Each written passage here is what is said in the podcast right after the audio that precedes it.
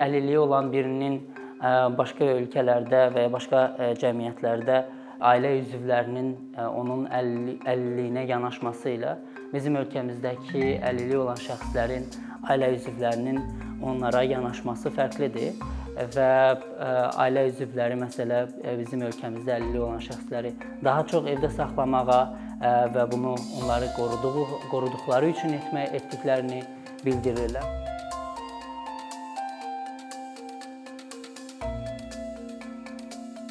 Əslində nədir sosial iş?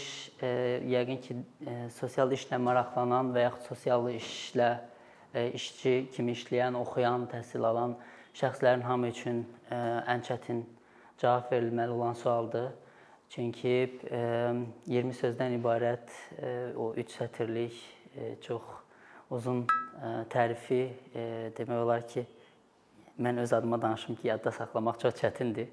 Çünki qarışıq və çoxlu vələrdən ibarət bir tərifdir. Və əslində bu, bu tərifdən yola çıxsaq mən uzun müddət bu haqqda fikirləşmişəm, nə üçün bu qədər uzundur və nə üçün davamlı olaraq bu tərif yenilənməyə yenilənir və bu tərifi biz əlavələrindən həmişə eşidirik. Bunun səbəbi odur ki, sosial iş davamlı olaraq inkişaf mərhələsindədir və çox ə, tez-tez ə, bu inkişafa hansısa əlavələr əlavələr edilməli olur. Və əgər qayıtsaq biraz sosial işin tarixinə, 1800 və 1900-lərdə sosial iş daha çox xeyriyyəçilik fonunda ortaya çıxmışdı və xeyriyyəçilik olaraq fəaliyyətini davam elətdirirdi və bir xeyriyyəçilik e, anlayışından kənara çıxmırdı. Ta ki o vaxta qədər ki, sənaye inqilabları, şəhərləşmələr əhalinin daha çox yoxsullaşmasına səbəb olurdu və sadəcə xeyriyyəçiliklə və ya sadəcə hansısa pul verməklə insanlara insanların ehtiyaclarının hamısını qarşılanmadığını ortaya çıxmağa başladı və bütün ehtiyacın sadəcə pulda və sadəcə maddiyyatda və iqtisadiyyatın daha güclənməsində olmadığı məlum olmağa başladı və bu əslində sosial işin bir elm olaraq sistemli formada ortaya çıxmasına gətirib çıxardır, çıxardırdı. 1920 və 60-larda daha çox sosial iş tibbi model olaraq görülürdü və sosial işdə sadəcə tibbi model var idi və o bu modellə bütün müdaxilələr bu modellə həyata keçirilirdi. Amma 1960-larda bu model sorğulanmağa başlanılırdı. Əvvəla demək olar deyə bilərik nədir bu modelin məğzi? Tibbi model daha çox sosial işçilərin fokuslandığı məqamın problemin sadəcə həmin şəxslə bağlı olmağıdır və o şəxsdən kənarda baş baş verən şeylərin bu məsələlərə aidiyyatının olmamağından bağlıdır və məsələ tibbi modelə biz misal gətirə bilərik. Deyək ki, əlilliyi olan birinin hansısa binaya daxil olmasına ola bilməməsinə səbəb onun əlilliyinin olmasıdır və əlilli arabasında olmasıdır. Amma 1960-lardan sonra bu sorğulanmağa başlandı və buna misal bu dəyişiklik sistemli model kimi ortaya çıxırdı və adı belə gedir ki, tibbi modelə qarşı sistem yanaşması və sistem modeli adlanır. Və bu modeldə təkcə həmin problemə fokuslanma sadəcə həmin şəxsin əlil olmasından bağlı deyil. Əlilli olmasından və ya əlil arabasında olmasından kifayətlənmir. O binaya daxil olmasının infrastrukturun niyə olmaması ilə də əlaqələnir. Yəni sistem yanaşması daha çox ətrafa fokuslanır və insanın sadəcə özündən ibarət olmadığını və onun problemlərinin sadəcə qaynağının özü ilə əlaqəli olmadığını ortaya çıxardır.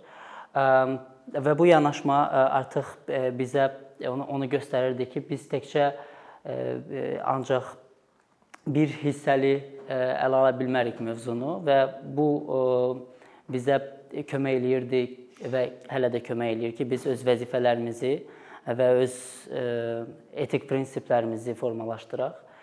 Çünki bu modellərin yaranması ilə bizim müdaxilə mexanizmlərimiz, problemlərə baxış nöqtələrimiz formalaşmağa başlayır və bu formalaşmağın nəticəsi olaraq biz hansısa etik prinsipləri və vəzifələri həmişə öz yanımızda daşımalıyıq.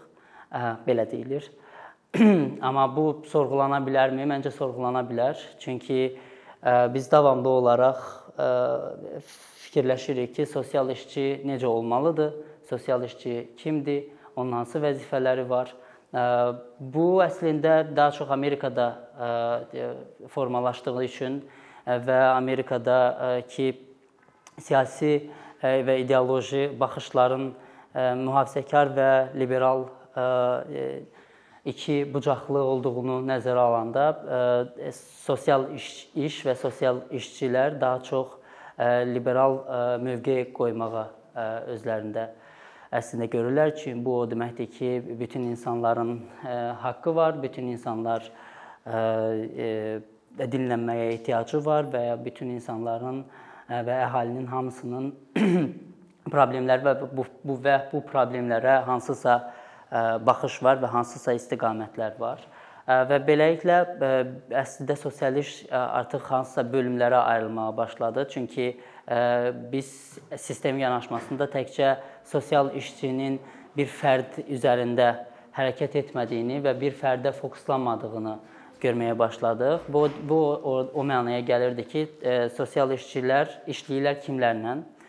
Sosial işçilər işləyirlər şəxslərlə, yəni fərdlərlə, ailələrlə, qruplar və qurumlarla və sosial siyasətlə məşğul olurlar. Və bizdə necədir vəziyyət, ona məncə birazdan gələ bilərik.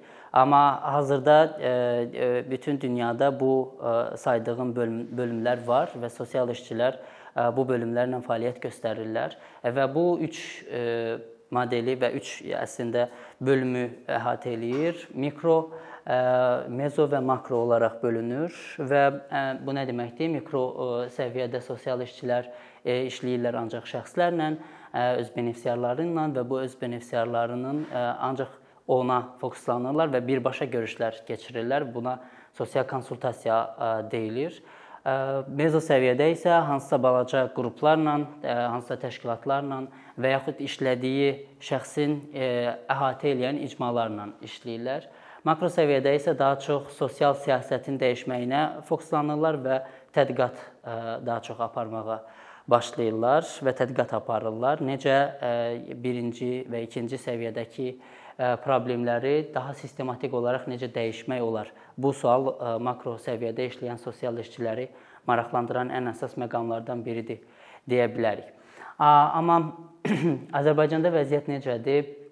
Biraz çətindir demək, çünki çoxlu yanaşmaların və çoxlu fərqli baxış bucaqlarının hələ də müzakirə edildiyi bir dövrdə biz 2005-ci ildə ancaq sosial işlə tanış ola bilmişik. O da ma ma magistr təhsili üzərindən 2009-cu ildə isə artıq bakalavr təhsili formalaşmağa başlayıb ilk dəfə Azərbaycanda.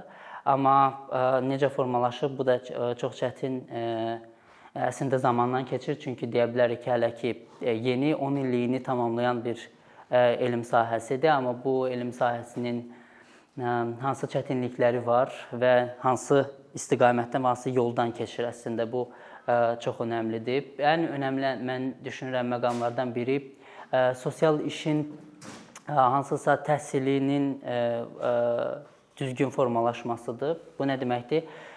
Biz nə oxuyuruq universitetdə? Demək olar ki, çox az şeylə tanış oluruq, çox az şey oxuyuruq. Bunun da səbəbi odur ki, bizim davamlı olaraq öyrəndiyimiz şeylərin hamısı çox yenidir və bayaq dediyim tibbi modeli öyrənirik, sistem yanaşmasını öyrənirik, amma bunlar 1920-lərdən, 60-lardan söhbət gedir və e, çox təəssüf ki, ən önəmli praktikaya fokuslananda ən önəmli e, buraxdığımız yer e, bizim lokallığı nəzərə almamağımızdır. Yəni problemlərin lokallaşdırılması və buna uyğun yanaşmaların təqdim edilməməsidir. Yəni məsələ biz hansısa qruplarla işləyəndə əgər Avropadakı ya da ki Amerikadakı yanaşmalarla getməyə başlayanda ə, e, hər şeyin ə, e, kitabda yazılmadığı kimi olduğunu, hər şeyin ə, ancaq o yanaşmaların variantlarını eləsək həll olunmadığını görəcəyik. Məsələ deyək əlilliyi olan birinin başqa ölkələrdə və ya başqa cəmiyyətlərdə ailə üzvlərinin onun əlilliyinə yanaşması ilə bizim ölkəmizdəki əlilliyi olan şəxslərin ailə üzvlərinin onlara yanaşması fərqlidir və ailə üzvləri məsələ bizim ölkəmizdə əlilliyi olan şəxsləri daha çox evdə saxlamağa və bunu onları qoruduğu qoruduqları üçün etmək etdiklərini bildirirlər, amma və bu isə bizə məsələ davamlı olaraq mane olur. Məsələ infrastrukturun olmaması ilə hansı ki, insanlar çox rahatlıqla özləri bir nöqtədən başqa nöqtəyə getməkdə çətinlik çəkirlər və bu bizə mən əslində daha çox Azərbaycanda sosial işin tətbiqini bir bir müddət araşdırırdım. 50 olan şəxslərin şəhərdə gəzməyi ilə necə özlərini rahat şəkildə bir nöqtədən digər nöqtəyə aparmaqları ilə bağlı əslində bizim sosial iş məncə o eynən Azərbaycandakı metro sisteminə oxşuyur. Məsələ avtovağzalda biz 50 olan şəxslərin liftlə düşə bildiyini, amma Nizam metrosundan çıxa bilmədiyinin şahidi oluruq. Məncə sosial işdə bu şəkildə az-çox tətbiq olunur. Çünki çox yenidir və tamamilə sistemin olmadığı bir mühitdə baş verir bunların hamısı. Hələ də məsələ sosial işçi ştat olaraq yoxdur. Amma 2009-cu ildən bu tərəfə davamlı olaraq sosial işçilər universitetdə oxuyurlar və təhsillərini bitirib fərqli yerlərdə işləməyə başlayırlar. Mən sosial işçi kimi işləyə bilirəm və əslində yeni mənlə məsələn universitet bitirən insanlar daha çox işləyirlər. Bunun şahidi oluram. Sığınacaqlarda, fərqli qurumlarda işləməyə başlayıblar, amma bu nə dərəcədə yenə sistemlidir? Bu əslində maraqlıdır. Çünki bizim problemimiz həmçinin ancaq təhsil sistemi ilə bağlı deyil, bunun qəbul edilməyi ilə bağlıdır. Yəni sosial işçilərin qəbul edilməyi ilə bağlıdır. Mən məsəl üçün şahidi olmuşam öz praktikamdakı davamlı olaraq Hətta psixoloqlar belə sosial işçilərin o qədər də əhəmiyyətli olmadığını və sosial işin əslində çox ə, əhəmiyyətli iş olmadığını vurğulayırlar. Amma məsələ ə, psixoloqlar əgər onların yanına gələn benefisiarlar artıq gəlmirsə, ə, onlara geri dönüş eləmirlər ə, bir çoxu və ə, arxasınca heç bir mesaj buraxmadan və heç bir sənk etmədən bitirə bilirlər bu prosesi. Amma sosial işçilərin e, burada elə işi ortaya çıxır. Çünki e, bəzən psixoloqlara belə deyə bilmədiklərini e, şəxslər sosial işçilərə deyə bilirlər.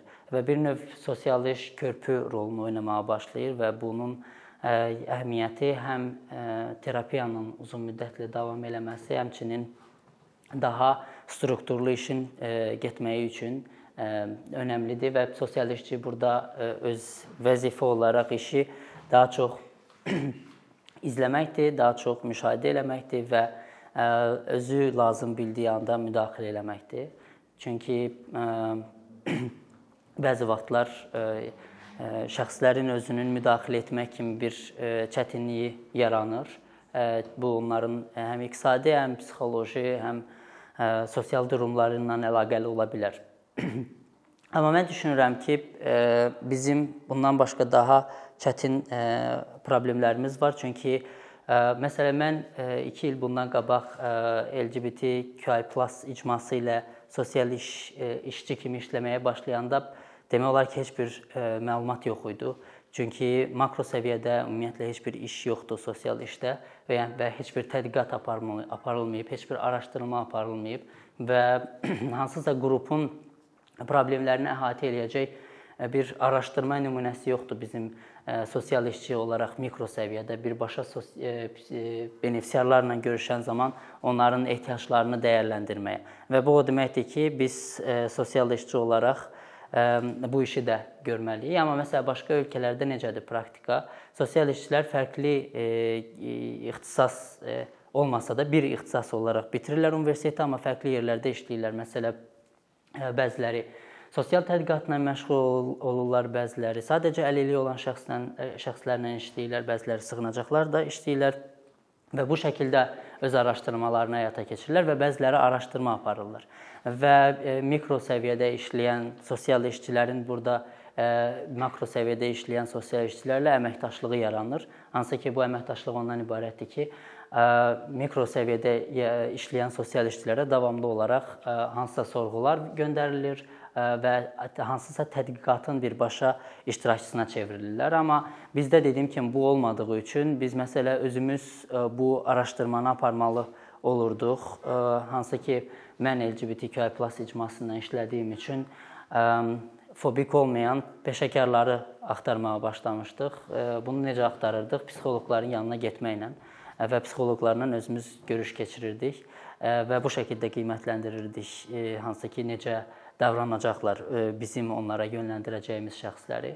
Amma bu çətindir ona görə ki, sosial işçilər bir yerə daha çox fokuslananda daha keyfiyyətli iş ortaya çıxarda bilirlər. Yəni bu o deməkdir ki, mən mən məsələ əgər gedirəmsə araşdırma aparmağa, bu sahədə işdir, amma həmçinin mən əgər işləyirəmsə birbaşa terapiyaya yönləndirmək üzərində bu artıq klinik sosial iş adlanır və həm getmək sahədə araşdırmaq həm yerində sosial işçi ilə benefisiarın görüşlərini təşkil etmək və yaxud psixoloqla benefisiarın görüşünü təşkil etmək bu fokusun itməyinə həmişə səbəb olur və bu bizim üçün məsəl üçün çətinlik yaradır həmişə.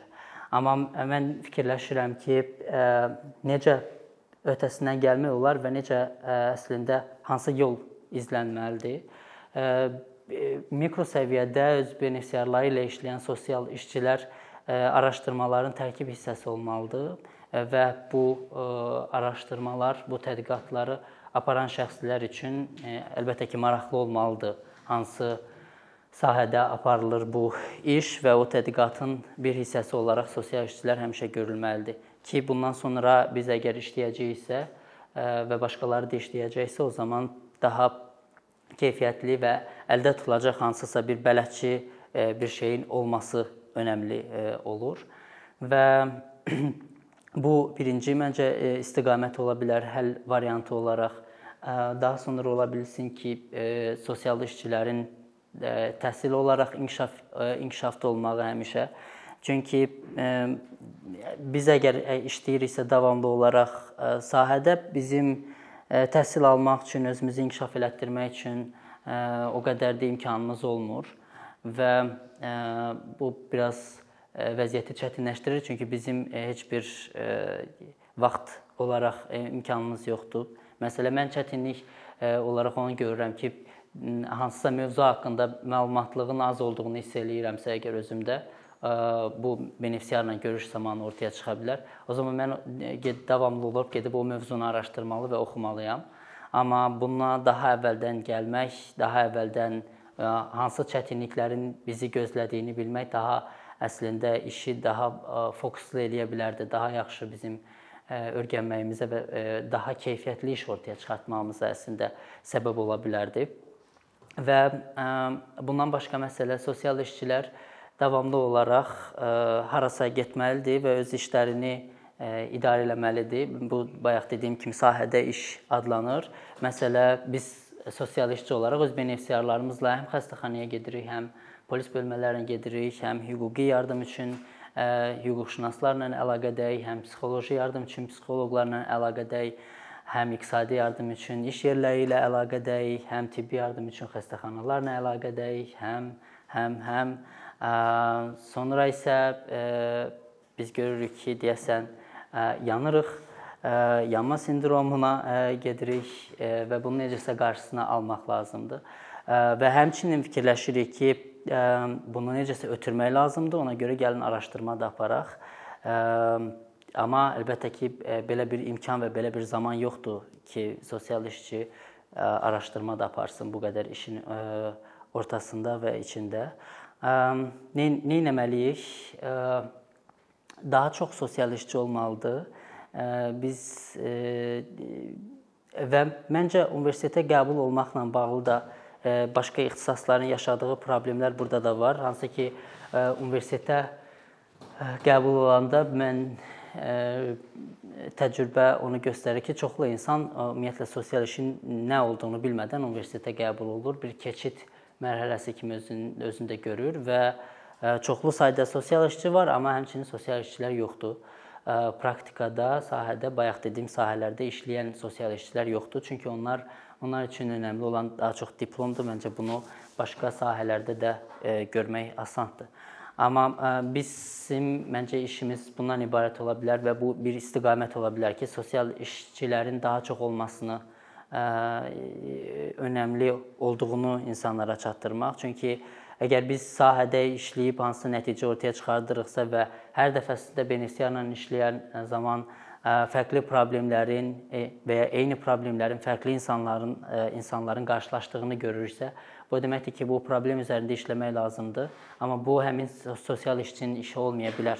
Bu başqalarının işi ola bilər və bunun üçün isə çoxlu zamana ehtiyac var. Ümumiyyətlə ə, sosial iş ədalət prinsipinə sök söykəndiyi üçün davamlı olaraq özünün ə, bir ə, yanaşmasını və bir istiqamətini ortaya qoyur. Ə, bütün sosial xidmət sferasının hər kəs üçün əlçatan olmasını dəstəkləyir. Amma bu əlçatanlıq nə dərəcədədir və ümumiyyətlə soruşmaq lazımdır. Sosial xidmətlər sistemi nə dərəcədə formalaşmışdır? Mənə elə gəlir ki, bizim ölkəmizdə sosial xidmətlər sistemi və sferası da o qədər inkişafda deyil, yəni həmçinin bütövləşməyib. Hansısa axsayan və hansısa geridə qalan yerlər var və o geridə qalan yerlərə insanları yönləndirmək, istiqamətləndirməyin bir əhəmiyyəti olmur. Çünki bu bizə mane olur. Məsələ mən ailələrlə işlədiyim zaman davamlı olaraq özüm öyrənirdim. Davamlı olaraq benefisiarlarımla fərqli qurumların arasında belə gedib gəldiyimi xatırlayıram. Çünki benefisiarlarım daha yaşlı insanlar idi və o insanlarla mən davamlı harasa getməli idim. Amma bu gedişlər çox uzun uzadı olur. Ona görə ki, məsələ bir qurum başqa quruma yönləndirir. O uzundur, şəhərin başqa bir yerindədir. Biz oradan ora gedirik, oradan ora gedirik və ə, nə ortaya çıxır? Əslində bundan sonrakı mərhələ üçün daha asandır. Çünki başda bilirik ki, hara gedəcəyik və birbaşa ora gedirik. Ya bu sadə misal bizə onu deyə bilər ki, biz işlədikcə davamlı olaraq öyrənməyə başlayırıq nələrin çatmadığını və hansı yolun var olduğunu, ən yaxşı istiqamətin hara olduğunu görməyə. Amma bu yanaşmalar da əslində problemlidir. Çünki e, dediyim kimi 60-lardan sonra sistemli yanaşma ortaya çıxmışdı sosial işdə. Amma bu sistemli yanaşma həmişə sosial işçini daha üstün görürdü. Yəni sosial işçi özü qərar verəcək, o daha çox bilir. Onun, qarşısındakı benefisiar qərar qəbul etməkdə çətinlik çəkir hazırda və onun verdiyi variantlar daha yaxşıdır. Daha üstündür, çünki təcrübədən keçib, bayaq dediyim misalda ki, sosial işçi benefisiarına deyir ki, yox o quruma getmirik, o birisinə gedirik. Çünki belə belə belədir. Ya da ki, çünki mən mən bilirəm ki, o quruma getməmək daha ya da o yerə getməmək daha yaxşıdır. Başqa yerə getmək daha yaxşıdır bu şəkildə olmağı əslində güc balansını ortaya qoyurdu və 2000-lərdən sonra artıq bu tənqid olunmağa başlayırdı sosial işdə, hansı ki, güc balansı bizə imkan vermir ki, biz şəxsin özünün fikirlərini e, və şəxsin qərar vermədə yetkisinin sonda onun özünə məxsus olduğunu ortaya çıxardıq. Çünki e, bütün qərarları bizim işlədiyimiz benefisiarların özü verir. Özü verməlidir. Amma biz onsuz da bu prosesə, yəni sosial işçi olaraq prosesə üstün olaraq gedirik. Çünki bizim hansısa informasiya bazamız var və bu informasiya bazasına görə biz e, benefisiarımızdan e, daha üst olaraq gedirik və həmçinin biz problemli olaraq getmirik. Bizim e, problemimiz yoxdur. Qarşı tərəfin problemi olaraq gəlir və bir nöqtədə hansısa var olan disbalansı daha da böyüdür bu məqam ki, sosial işçi daha üstündür və daha o qərar verəcək.